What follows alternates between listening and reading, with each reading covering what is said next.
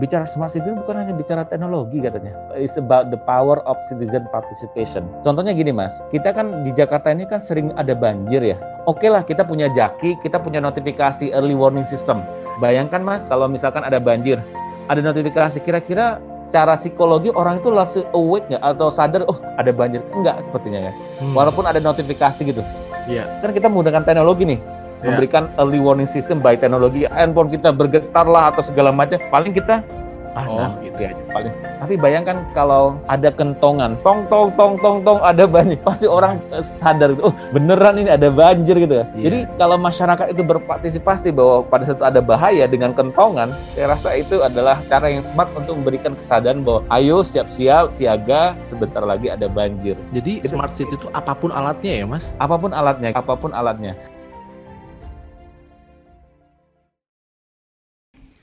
Halo, ketemu lagi dengan saya Wahyu Aji di podcast Tengah Isi. Episode kali ini sebenarnya adalah episode kedua bareng seseorang bernama Yudhistira Nugraha.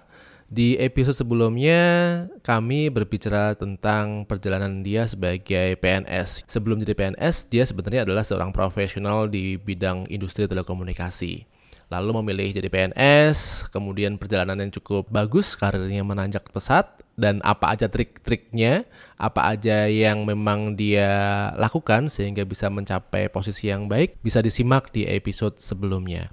Dan saat ini dia berperan sebagai kepala Jakarta Smart City. Masih sangat muda, di bawah 40 tahun, penyabet gelar PSD dari Oxford University. Yuk kita simak perbincangannya tentang Smart City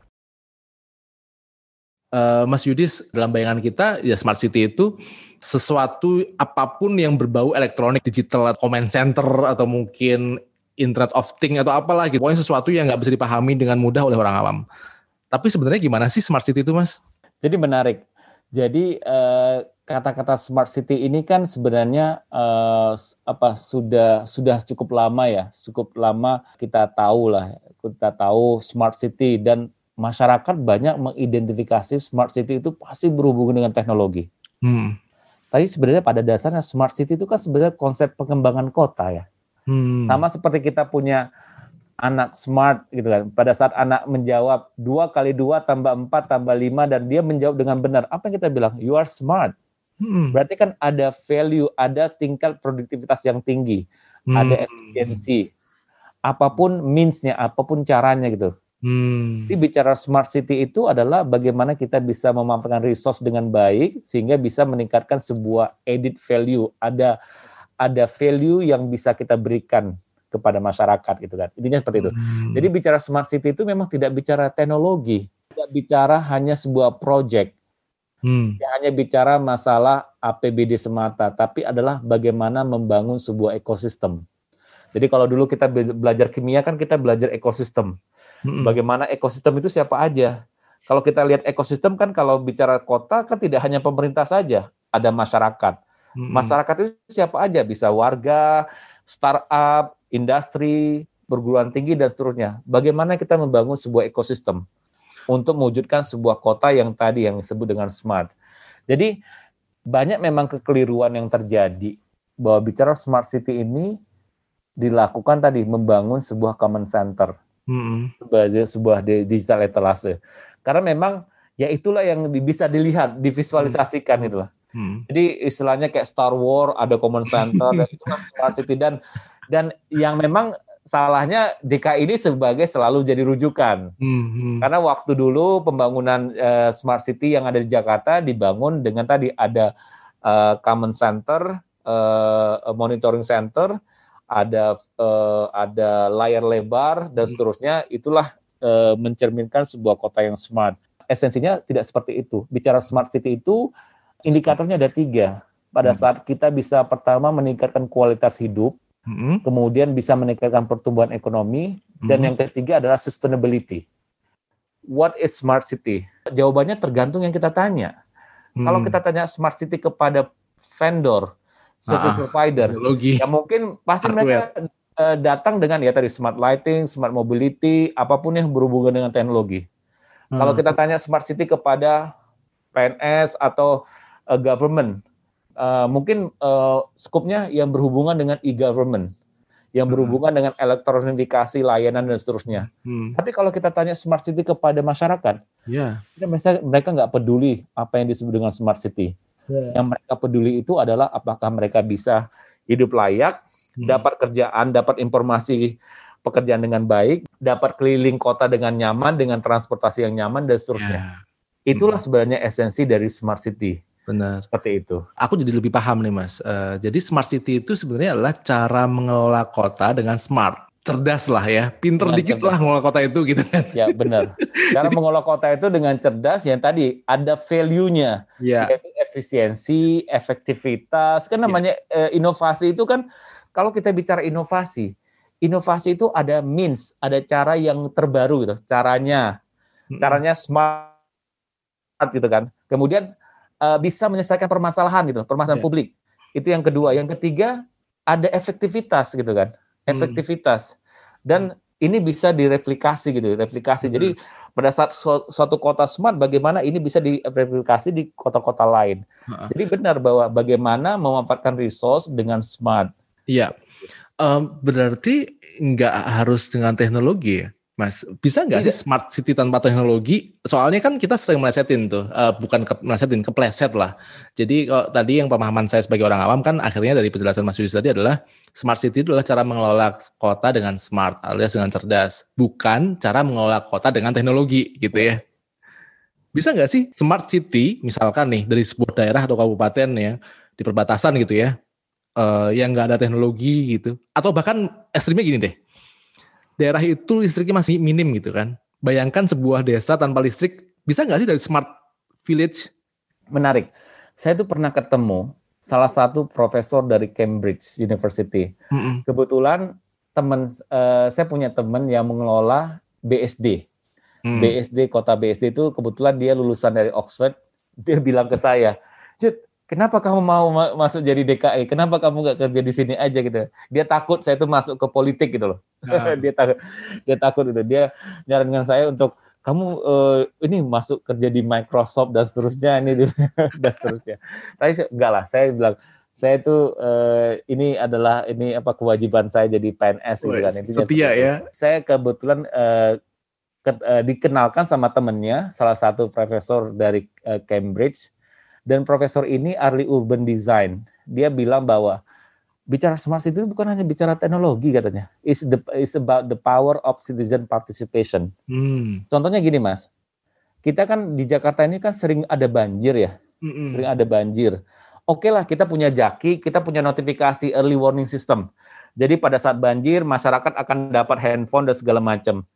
Bayangkan mas, mas Aji kalau misalkan ada banjir, ada notifikasi kira-kira uh, secara psikologi orang itu langsung awake nggak atau sadar oh ada banjir enggak sepertinya kan hmm. walaupun ada notifikasi gitu Iya. Yeah. kan kita menggunakan teknologi nih yeah. memberikan early warning system by teknologi atau handphone kita bergetar lah atau segala macam paling kita ah oh, nah, gitu ya paling paling dia tapi bayangkan kalau ada kentongan dari mas tong tong tong tong tong ada banjir pasti orang hmm. pasti eh, sadar itu oh beneran ini ada banjir gitu ya Yeah. Jadi kalau masyarakat itu berpartisipasi bahwa pada saat ada bahaya dengan kentongan, saya rasa itu adalah cara yang smart untuk memberikan kesadaran bahwa ayo siap-siap uh, siaga sebentar lagi ada banjir. Jadi gitu. smart city itu apa pun alatnya ya, Mas? Apa pun alatnya gitu. Jadi apa pun alatnya. Jadi waktu uh, jadi contoh gini, itu contoh pertama. Contoh kedua. Jadi kita cerita juga. Jadi ya, dia ngasih case ke mas saya. Yud, uh, ada sebuah jalan sebuah jalan uh, di jalan itu macet. Terus nggak ada lampu. Tiba-tiba ada orang datang mengatur gitu loh, mengatur jalannya ke Pak Uga. Hmm. That's smart city kata. That's smart. Itu smart. orang yang membantu. jadi kita membantu membantu orang eh, tadi orang itu, uh, itu, jadi jalan siapa itu yang bilang kayak gitu? Itu eh, teman saya, itu teman saya dan kita cerita juga diskusi bahwa ya tadi contohnya bahwa pada saat ada jalan macet, jalan macet dan di situ tidak uh, lampu merahnya mati segala macam. Wah, tiba-tiba datang masyarakat. Banyak banget itu di kita. Berarti kita udah smart uh, nah, city ya, itu kan, esensi kan smart city itu adalah tadi memberikan tadi ada efisiensi, efektivitas gitu, mempermudah gitu dan seterusnya. Dan tadi kalau memang masyarakat itu membantu, ya tadi contoh gini, saya gini mas, yang paling saya sesali, saya kebetulan kan tinggal di daerah Jaksel yang perbatasan Depok ya. Hmm. Saya selalu lihat tuh kebetulan kan di aliran sungai ada yang tiap hari itu ada sampah styrofoam. Itu hmm. tiap hari. Hmm. Kebetulan kan di Jakarta itu ada petugas, tapi saya nyesalin kenapa orang membuang sampah di eh, selalu mungkin dari Depok ya. Yeah. Kan nyampe ke Jakarta di tapi itu sampahnya itu hampir tiap hari seperti itu. Artinya kan gini, kesadaran masyarakat itu kan masih kurang gitu ya. Yeah. Hmm. Jadi bicara smart city adalah tadi bagaimana kita mewujudkan masyarakat yang smart people gitu. Hmm. Smart people ini kan gini. Pada saat kita misal anggaplah kita ke Singapura lah, berani nggak kita buang sampah di Singapura itu? Kan nggak berani. Iya. Yeah. Jadi intinya bahwa bicara smart city itu tidak hanya bicara teknologi, tapi bicara masalah behavior masyarakat. Tidak hanya bicara teknologi, tapi bicara people dan proses gitu loh. Hmm, Oke. Okay. Itu. Jadi kalau toh akhirnya pakai teknologi dan memang sekarang yang memang uh, tools yang ada di mana-mana dan bisa membantu dengan mudah itulah teknologi. Uh, teknologi itu adalah toolsnya untuk menuju ke misi atau objektif yang tadi ya. Ya. Dan yang paling penting ini mas, uh, karena kalau bicara sustainability, kalau kita bicara hanya melihat smart city itu sebagai sebuah project tanpa membangun ekosistem, ini nggak akan sustain. Hmm. Jadi bagaimana kita bisa menjamin bahwa apa yang kita lakukan ini sustain, sehingga kita perlu membangun ekosistem. Hmm. Ekosistem itu kan kita lihat bahwa masyarakat itu harus kita jadikan sebagai co-creator. Inilah konsep yang kami bangun di Jakarta dengan konsep Smart City 4.0. Artinya masyarakat sebagai co-creator dan pemerintah sebagai kolaborator. Hmm. Pemprov DKI melihat bahwa permasalahan Jakarta ini seharusnya memang tidak hanya diselesaikan oleh Pemprov saja, tapi bisa kita bagi dengan masyarakat. Masyarakat mungkin tahu cara terbaik untuk menyelesaikan masalah ini. Hmm itulah esensi bagaimana kita membangun ekosistem. Karena hmm. kalau kita melihat hanya sekedar sebagai government centric, uh, uh, government memiliki power bahwa kita punya solusi belum tentu. Hmm. Jadi uh, itu yang pertama. Jadi itu yang pertama. Kemudian yang kedua adalah kita selalu melihat apakah di tiap pemerintah kan ada uh, pemerintah punya masalah sendiri dan masyarakat punya masalah sendiri. Hmm. Kita kan selalu biasanya kan sifatnya kan government centered artinya kita uh, sebagai pemerintah, oh kita punya masalah kita selesaikan. Belum tentu masalah yang kita selesaikan itu adalah masalah masyarakat gitu. Ah. Jadi bagaimana kita shifting dari government centric ke user centric. Yang kita harus pahami adalah bagaimana kita memahami kebutuhan dari warga. Yeah. Itulah juga dari esensi dari smart city. Bagaimana caranya kita bisa memahami kebutuhan warga dan seterusnya. Dan hmm. sebenarnya uh, kalau saya bilang smart city itu ya tadi bahwa uh, bagaimana kita membangun sebuah ekosistem Yeah. Contoh gini Mas, kita di Jakarta punya berapa jumlah orang penyandang disabilitas. Yeah. DKI Jakarta termasuk yang punya fasilitas transportasi yang sangat disability friendly seperti MITJ, yeah. kemudian Transjakarta dan seterusnya. Mm-hmm. dan dan Jatlingko dan sebagainya. Tentu kadang-kadang ada orang yang butuh mobil apa kendaraan pribadi untuk untuk uh, apa untuk melakukan terapi dan seterusnya. Yeah. Tentu tidak semua orang punya mobil pribadi. Mm. Uh, kadang-kadang kan harus uh, order Gojek, uh, yeah. Gokar dan seterusnya. Tapi bayangkan Mas, namanya juga kalau kita pakai uh, Gokar, Gojek, kadang-kadang kan kita dapat ada driver yang baik, ada yang yeah. enggak. Bayangkan kalau kita punya anak yang uh, penyandang disabilitas, tiba-tiba mereka marah, nggak suka, uh, kan nggak nyaman gitu kan. Mm. Uh, kita melihat seperti itu, bagaimana kita bisa menyediakan transportasi yang nyaman untuk masyarakat. Ketim, uh, instead of kita harus, oh kita harus nganggarin APBD. Yang kita bangun adalah ekosistem. Ekosistem siapa? Kita punya Grab, di mana mitranya itu adalah masyarakat. Kita punya Gojek, yang di mana juga mitranya ada masyarakat. Kita punya Bluebird. Hmm. Bagaimana kita mendorong mereka untuk menyediakan transport, uh, transport, uh, transport, uh, transportasi bagi para penyandang disabilitas yang tidak punya mobil. Hmm. Tapi yang dilakukan Pemprov adalah memberikan insentif, kemudian memberikan ah. training dan seterusnya. Hmm. Artinya pada saat saya pesan Go Car, Go apa Grab dan uh, Go Blue dan seterusnya, saya memilih fitur atau layanan yang memang tadi uh, disability friendly. Artinya pada saat saya naik itu orang-orang itu data orang tersebut sudah dapat training atau sudah dapat apa ya pembekalan bagaimana menghandle orang-orang uh, disabilitas khususnya yang disabilitas cacat uh, mental ya kadang-kadang yeah, suka yeah. teriak-teriak sendiri dan seterusnya. Yeah, yeah. Itu sebenarnya esensi salah satu contoh esensi dari smart city seperti itu. Oh iya iya, saya jadi lebih paham nih. Jadi artinya semakin besar kota kan masalahnya semakin banyak ya semakin kompleks, yeah. semakin banyak penduduk. Itulah kenapa teknologi ya memang yang paling sering digunakan karena teknologi itu bisa mempermudah banyak urusan tadi itu ya. Hmm. Tapi contoh konkretnya Mas, kalau sekarang itu kan sebenarnya kalau smart city benar-benar terwujud nih, cara mengelola kota dengan smart gitu kan.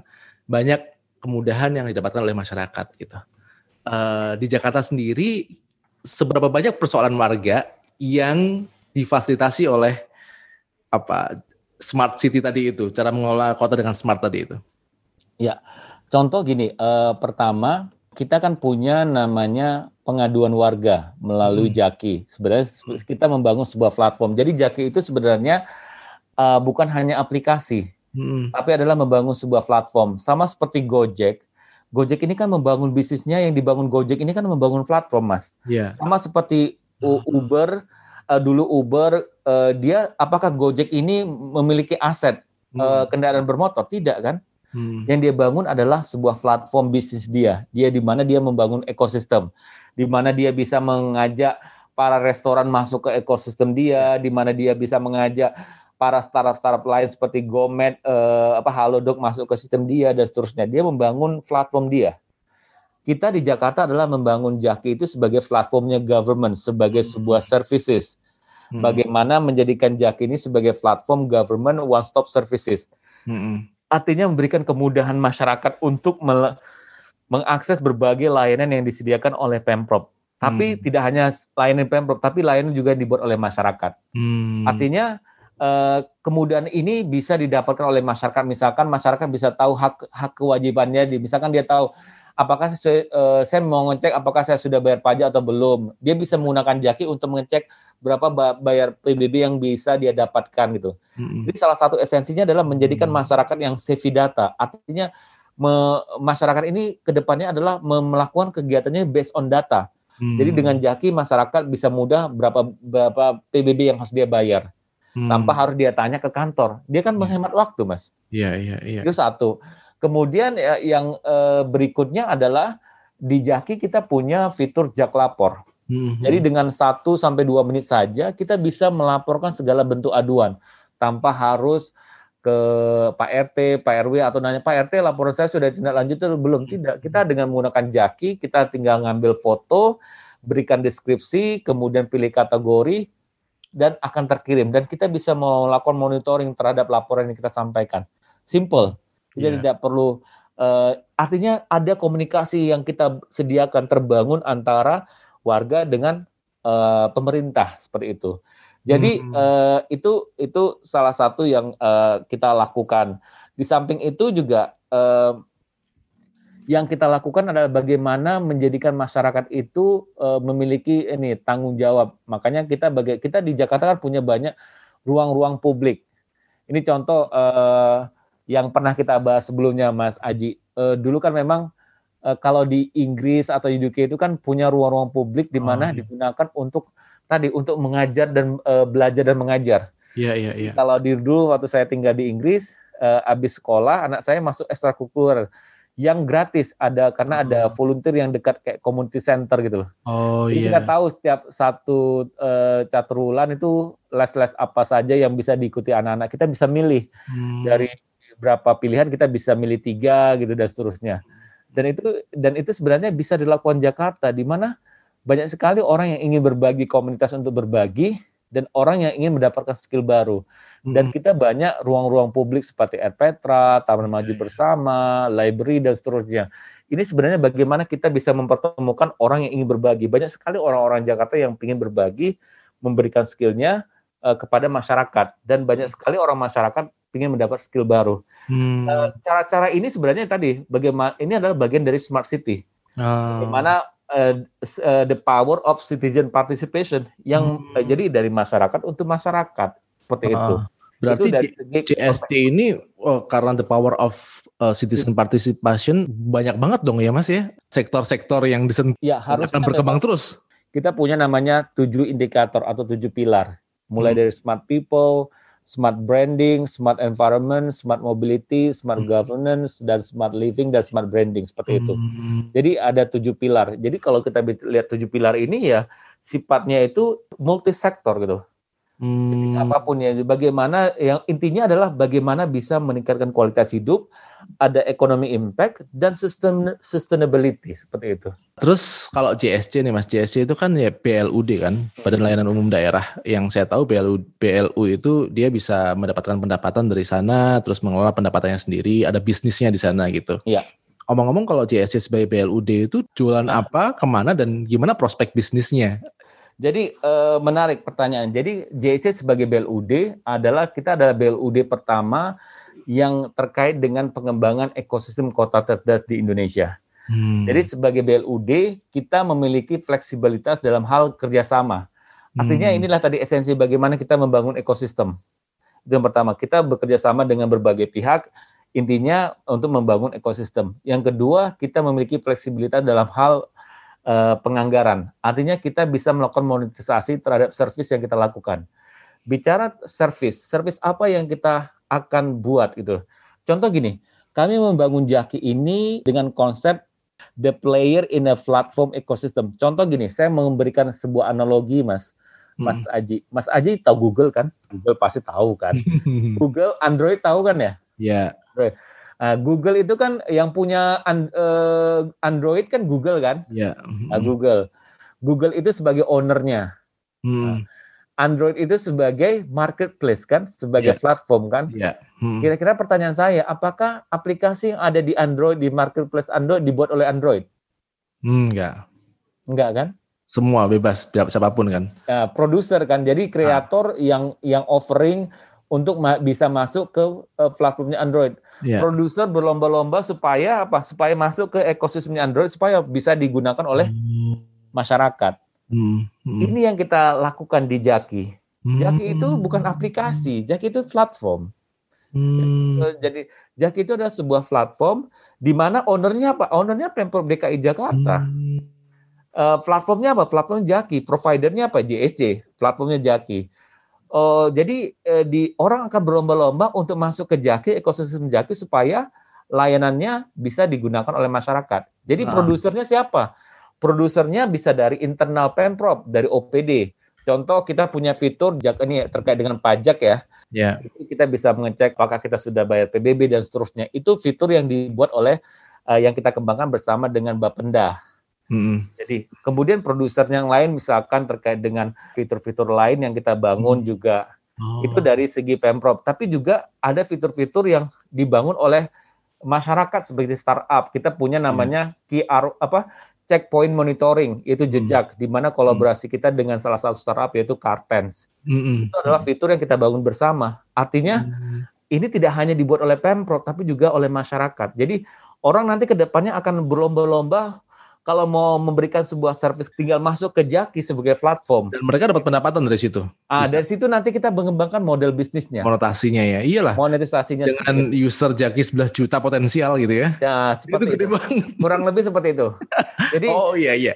Saya baru ngeh nih. Jadi itu yang kita bangun. Jadi yang kita bangun itu adalah tadi the player in a platform ecosystem. Bukan bukan aplikasi. Kalau hanya sekedar aplikasi tanpa ekosistem is nothing, Mas. Banyak sekali daerah-daerah mereka punya super apps, tapi super apps-nya itu tidak ada ekosistemnya. Hanya sekedar aplikasi yang yang yang mungkin ga, buat gampang tapi tidak ada datanya gitu. Tidak ada servisnya dan seterusnya dan seterusnya. Jadi, kalau smart city itu yang dilakukan duluan apa Mas? Ekosistem atau teknologi atau dua-duanya paralel? Nah, ini tergantung dari eh, masing-masing uh, daerah. Kondisi ya. Kondisi daerah. Tapi secara umum saya bisa menjawab adalah ekosistem. Hmm. Jadi kalaupun kita misalkan ada uh, kita misalkan tidak terlalu savvy dengan teknologi, kita lihat ekosistemnya seperti apa.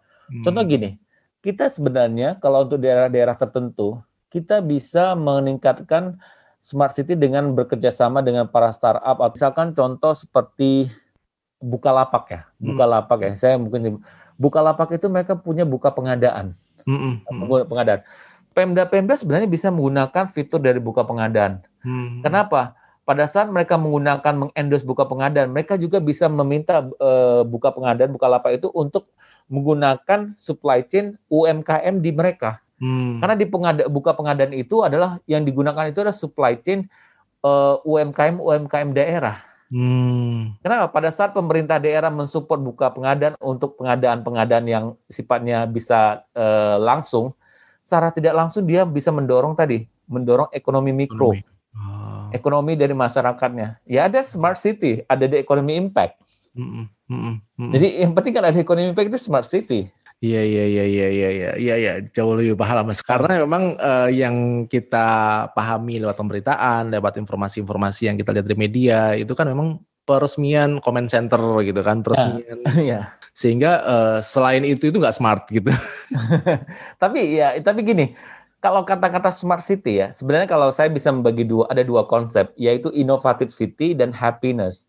Nah. Innovative city itu tidak harus identik dengan common center Kata-kata inovatif city itu adalah kota yang tu, selalu tumbuh, terus tumbuh dan adaptable. Kan itu kan smart city itu kan inovatif itu kan dia selalu berinovasi, kalau ada masalah dia berinovasi. Inovasi itu tidak selalu berhubungan dengan teknologi. Yeah, inovasi yeah. itu bisa berhubungan dengan kelembagaan, inovasi regulasi, inovasi creative financing. Contoh misalkan, kami sedang menjajaki pengembangan Smart City Jakarta dengan skema KBBU. Hmm. KBB itu kayak semacam public private partnership. Hmm. Jadi bagaimana uh, ini bisa dibangun dengan konsep public private partnership itu kami sedang bangun. Jadi bagaimana mitra antara pemerintah dan swasta dalam memberikan membangun layanan infrastruktur e-government untuk mendukung smart city. Itu salah satu yang kita lakukan. Hmm. Kita hmm. lagi inisiasi. Jadi hmm. itu juga bisa dilakukan uh, oleh pemda-pemda yang lain.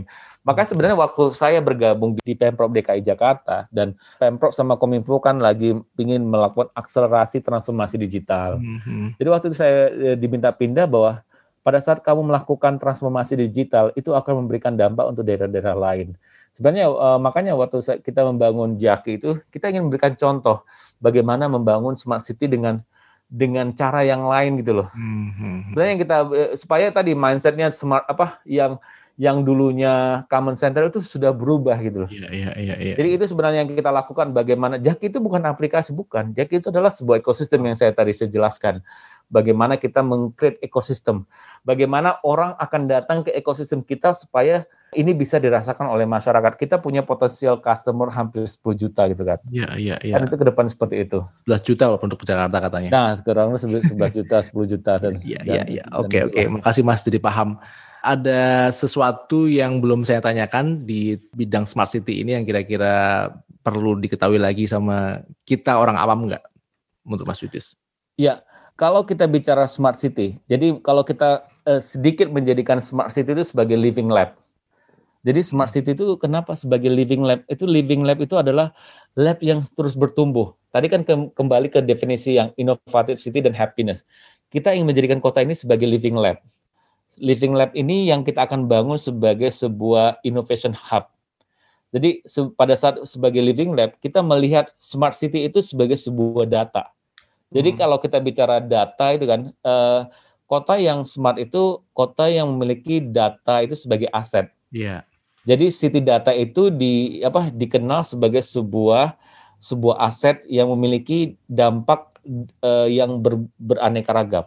Yeah. Pada saat kita memiliki data, contoh kita data kependudukan, data data lain-lainnya dan seterusnya, itu kita kelola. Pada saat kita memiliki data, smart city as data, kita bisa mengcreate sebuah services.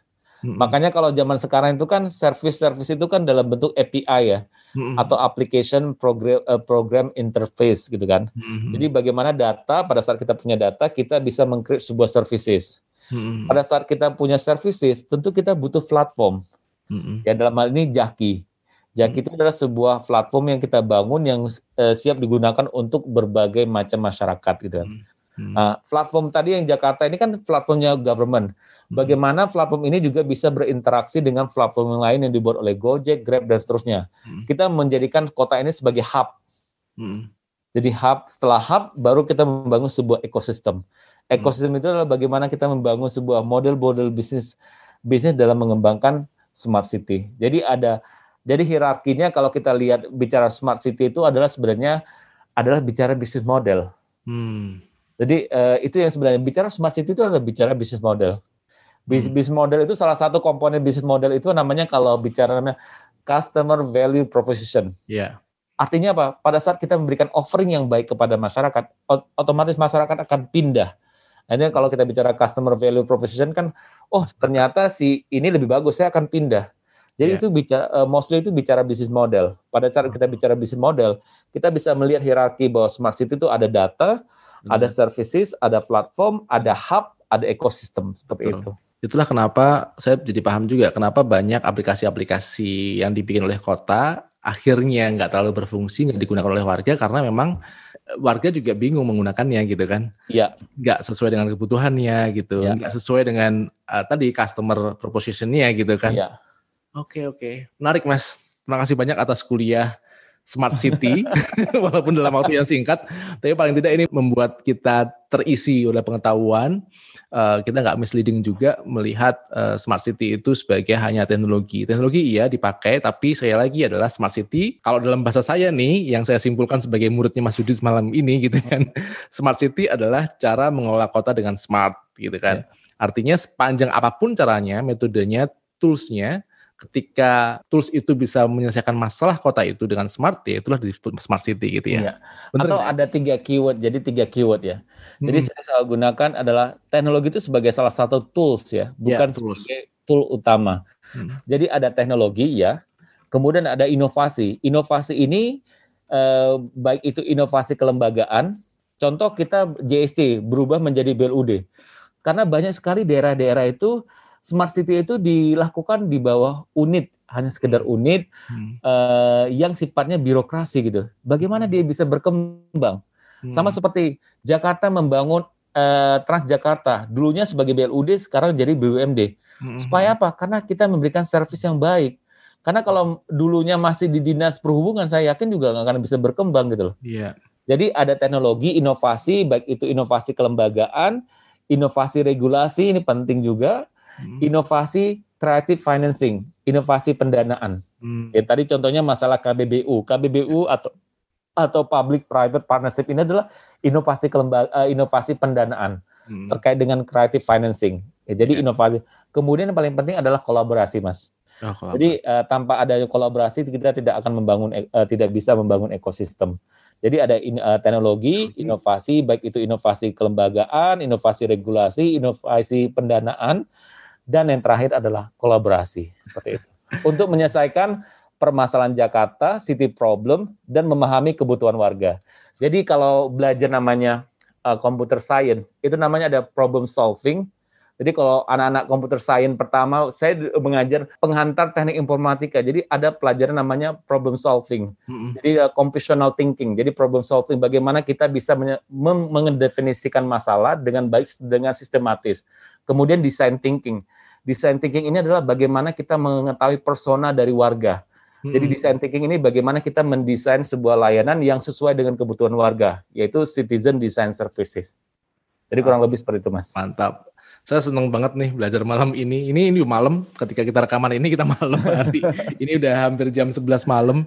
Tapi saya senang banget dan kelihatan banget Mas Yudis memang berusaha untuk do the best di apa yang memang sembunyinya. Kalau anak zaman sekarang ngomong passion gitu ya. Jadi iya. passionnya dapat gitu loh. Kita melihat di episode sebelumnya tadi kita ngobrol tentang PNS, tentang etos PNS. Saya semakin banyak kenal sih PNS-PNS yang memang mereka kerjanya extra miles ya. Bukan hanya 9 to 5, tapi saya juga sering kali ngobrol dengan PNS-PNS dan membicarakan tugasnya jam 11 malam pun masih kayak pagi gitu. Itulah perbincangan kita dengan Yudhistira Nugraha, Kepala Jakarta Smart City. Gimana? Ada manfaatnya atau jadi lebih paham tentang terminologi Smart City? Kalau iya, berarti sama dengan saya yang selama ini mungkin salah paham tentang Smart City yang hanya dalam pikiran itu adalah comment center atau sesuatu yang terkait dengan teknologi dan internet. Padahal lebih luas daripada itu dan kita sebagai masyarakat bisa berpartisipasi dalam membangun sebuah komunitas atau kota yang smart. Mudah-mudahan episode ini bermanfaat dan apabila memang terasa bermanfaat, kami akan sangat berterima kasih apabila Anda juga merekomendasikan isi episode ini ke teman-teman yang lain. Terima kasih sekali lagi dan sampai ketemu di podcast tengah isi berikutnya. Salam.